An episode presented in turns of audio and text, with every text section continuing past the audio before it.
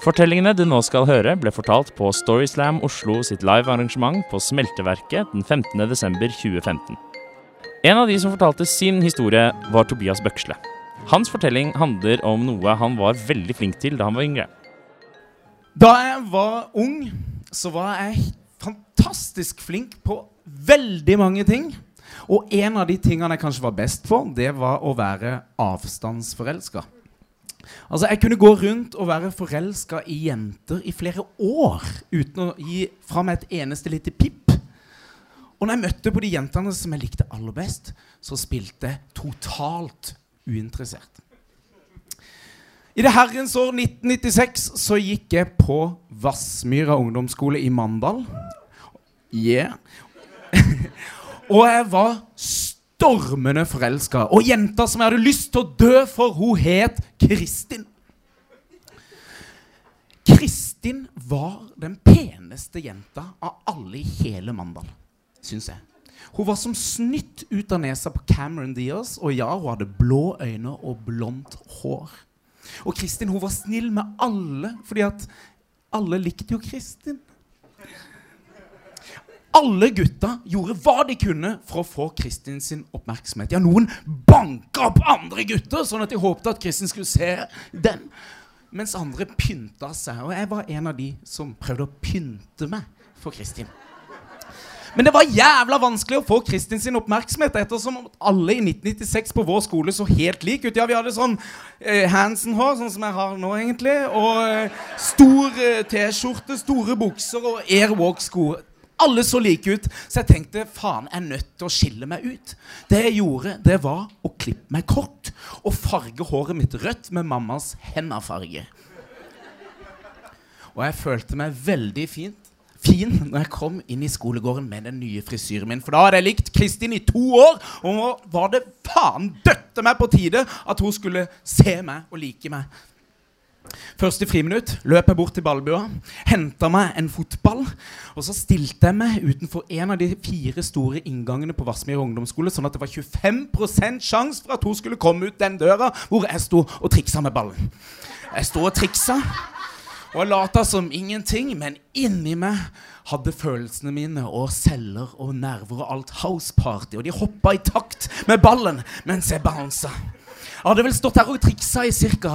30 sekunder da jeg hørte en stemme bak meg si Oi, Tobias.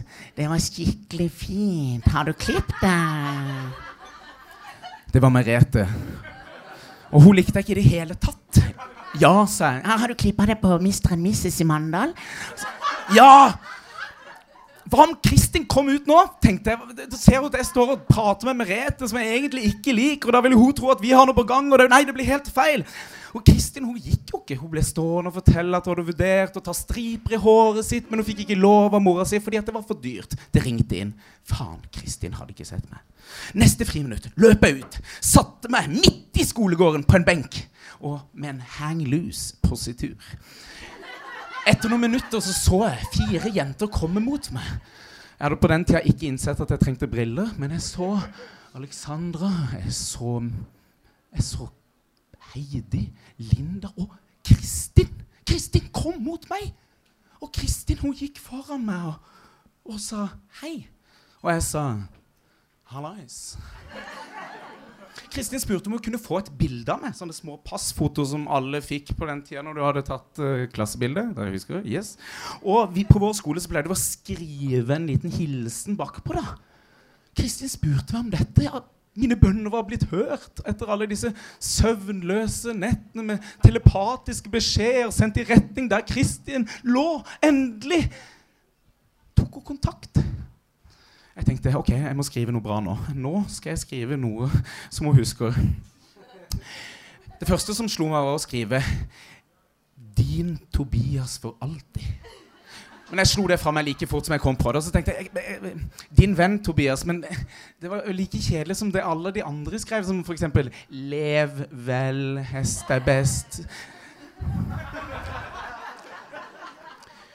Jeg så at Kristin begynte å bli utålmodig. Jeg tok pennen og skrev. Sug og svelg. God helg. Hilsen Tobias. Hva var det jeg nettopp hadde gjort? Jeg hadde akkurat skrevet den mest vulgære setninga jeg kunne på den tida, og gitt den til den dama jeg håpte kanskje jeg skulle få barn med. Jeg så ned på føttene mine, snøen den smelta rundt beina mine. Jeg skotta opp, og jeg så på Kristin som leste, og hun lo. Hun lo og sa 'Du er helt gal, du, Tobias!' og løp rundt med de andre jentene i hakk i hæl. Yes! Neste time satt jeg og så ut av vinduet og tenkte på de blå øynene til Kristin mens papirfly og hemmelige lapper ble sendt rundt i klasserommet, og en lærer som skreik må da faen meg skjerpe dere! Det er to uker til juletentamen!' Jeg kvakk til. To uker til juletentamen? Det vil jo også si to uker til skoleballet. Det var på skoleballet det måtte skje. Det var da jeg skulle danse stille dans med Kristin og hviske inn i øret at jeg likte bare henne. Men det var to problemer. Og det ene var Lars Jørgen. Lars Jørgen hadde allerede poila seg inn på Kristin. Han hadde gitt henne en bukett med roser i skolegården. Og når han gjorde det, så hadde hun gitt han et kyn, kyss på kinnet. Alle så dette her også. Jeg ble kvalm, jeg ble forbanna. Men på skoleballet hadde jeg en plan, for Lars, Erik, nei, Lars Jørgen han kunne ikke danse. Og Da skulle jeg komme fram, vise mine moves, og jeg skulle vinne hjertet til Kristin. Men det var et annet problem, og det var at jeg måtte rekke juleballet. For på denne tida så gikk jeg på Kristiansand barne- og ungdomsteater. Og når du var med der, så var du nødt til å ofre alle dager, også kvelder, for å være med på scenen. Så det så ut som jeg ikke kom til å rekke det. Med mindre jeg hadde en plan, og det var ta imot applaus. 21.00. Løpe ned til Kristiansand rutebilstasjon. Nå bussen som gikk 21.30. Kjøre buss til Mandal rutebilstasjon. Løpe hele veien ned til Sjøsand, der festen var. Lukke opp døra og løpe inn til Kristin og ta henne i min favn. Dette krevde timing. Med et kvakk etter. Vi skal røyke laks på julebordet. Jeg snudde meg. Der satt Merete og gliste. Jeg måtte rekke det. Kvelden var jeg en nervøs 13-åring som tok imot applaus fra publikum i Agder Teater. Løp ut, tok på meg finstasen, spurta ned til rutebilstasjonen. Rakk bussen med minst mulig margin. Hoppa ut av bussen igjen når vi kom til Mandal. Spurta ned til Sjøsanden i lakksko og tøffelcoat. Skagerrak blåste innover Sjøsanden, og det var snøføyk i løfta. Når jeg lukka opp døra på festlokalet, og låta I got power! slo mot meg. Det var som å være i en high school-film hvor jeg hadde hovedrollen. Jeg brøyt meg gjennom fjortiser, og der så jeg Kristin. Men hun dansa med Lars Jørgen. Slaget var tapt. Det var akkurat som hun tok hjertet mitt og mukka det i veggen og sa Du kommer ikke til å få bruk for det her på en stund. Etter flere uker med kjærlighetssorg glemte Kristin. Og jeg bestemte meg for å aldri, aldri forelske meg igjen. Men det var helt til jeg så øynene til Miriam.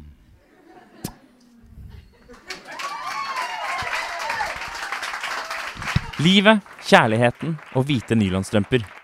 Det er tema for neste fortelling, fortalt av Sara Birgitte Øfsti. Dette skjedde for omtrent 20 år siden. Og det var to dager før jul. Og jeg satt i domkirka og hørte på Sølvguttene som sang jula inn. Og det rant over meg med sånn julefryd og salig fred og Deilig er jorden og fryd og fred og forsoning. Og jeg tenkte ja, sånn er det. Det er fred. Og jeg kjente at jeg fikk litt sånn fred i hjertet. Og så snudde jeg meg mot han som satt ved siden av meg. Og så oppdaga jeg at han satt og så på meg og smilte.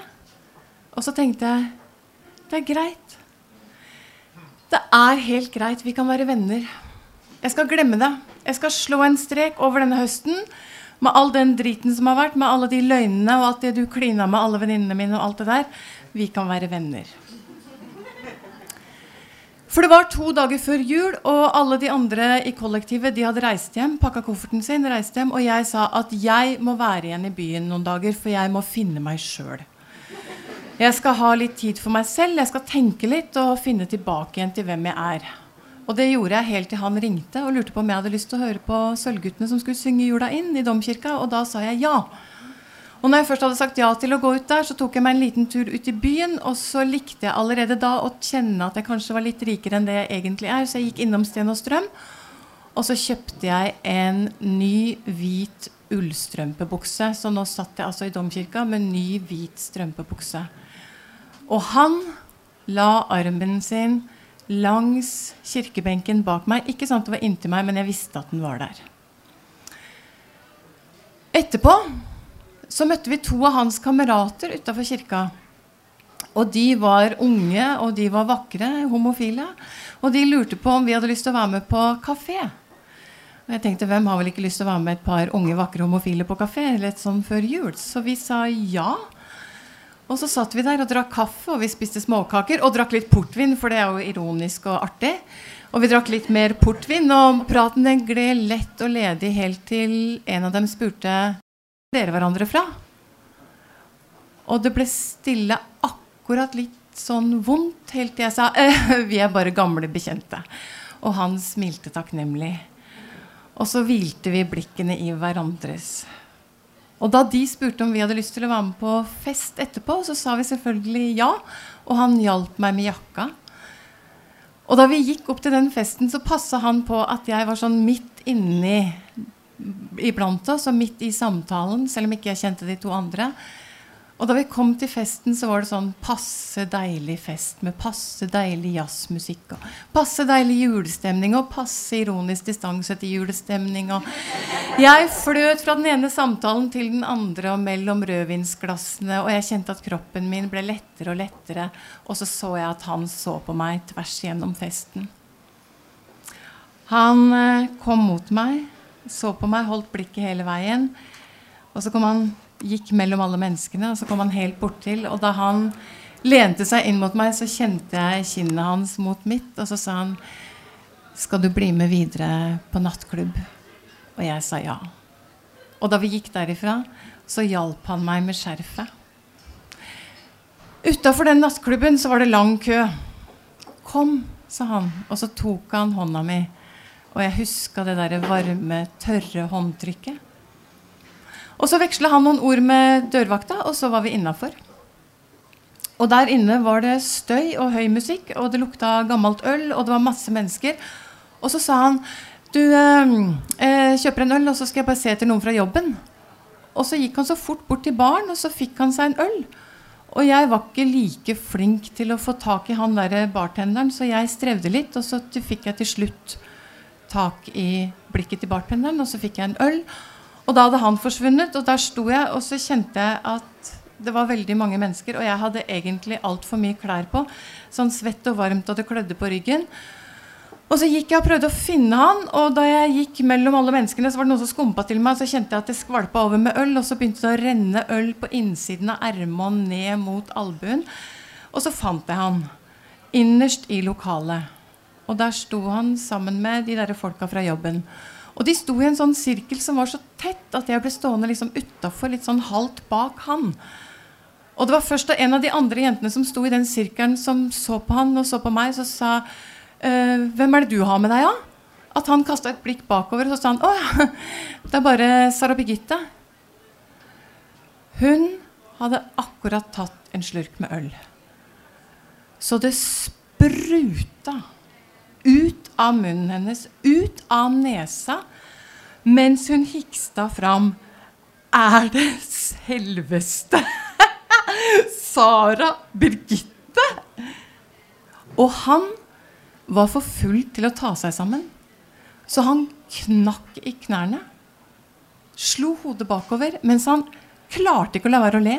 Og han hiksta fram innimellom de latterhikstene og knisene. Ja, ja, ja.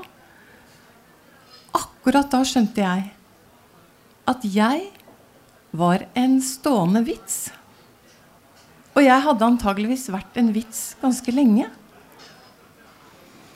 Og det tok meg så utrolig lang tid å klare å snu kroppen. Og klare å sette det ene beinet foran det andre. Og så komme meg i bevegelse. Og det var mye lettere å komme seg ut av den nattklubben enn det var å komme inn. Så plutselig sto jeg ute på fortauet, og det hadde begynt å snø. Og jeg så nedover meg selv og så at jeg hadde fullt av rødvinsflekker på den hvite, nye strømpebuksa mi. Men hvem faen er det vel som går på nattklubb i hvite strømpebukser, da? Og så ville jeg bare hjem. Hjem til moren min. Og så kom jeg til å tenke på at moren min hun kan jo ingenting om hva man gjør når man er blitt en vits. Og så gikk jeg meg hjem, og ble ganske edru. Låste meg inn i det tomme kollektivet. Og så skrelte jeg av meg den der strømpebuksa. Fylte en bøtte med kaldt vann, og så tok jeg opp en kork med salmiakk. Og så la jeg strømpebuksa oppi. Og neste morgen så tok jeg strømpebuksa ut, vreide den opp, putta den i en plastpose og la den i kofferten. Og så dro jeg hjem til jul. Og veldig ofte når jeg forteller den historien her, så kommer det alltid noen bort, og så sier de Men du, salmiakk, det fjerner ikke rødvinsflekker, vet du. Og da svarer jeg bare det. At er det én ting jeg har lært av moren min, som jeg har tenkt å gi videre til ungene mine, så er det det at en kork med salmiakk i vannet, det fikser det aller meste.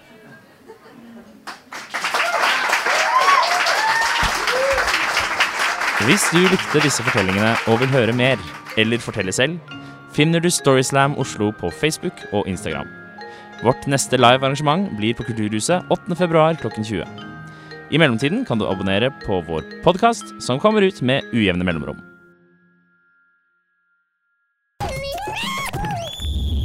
Monster.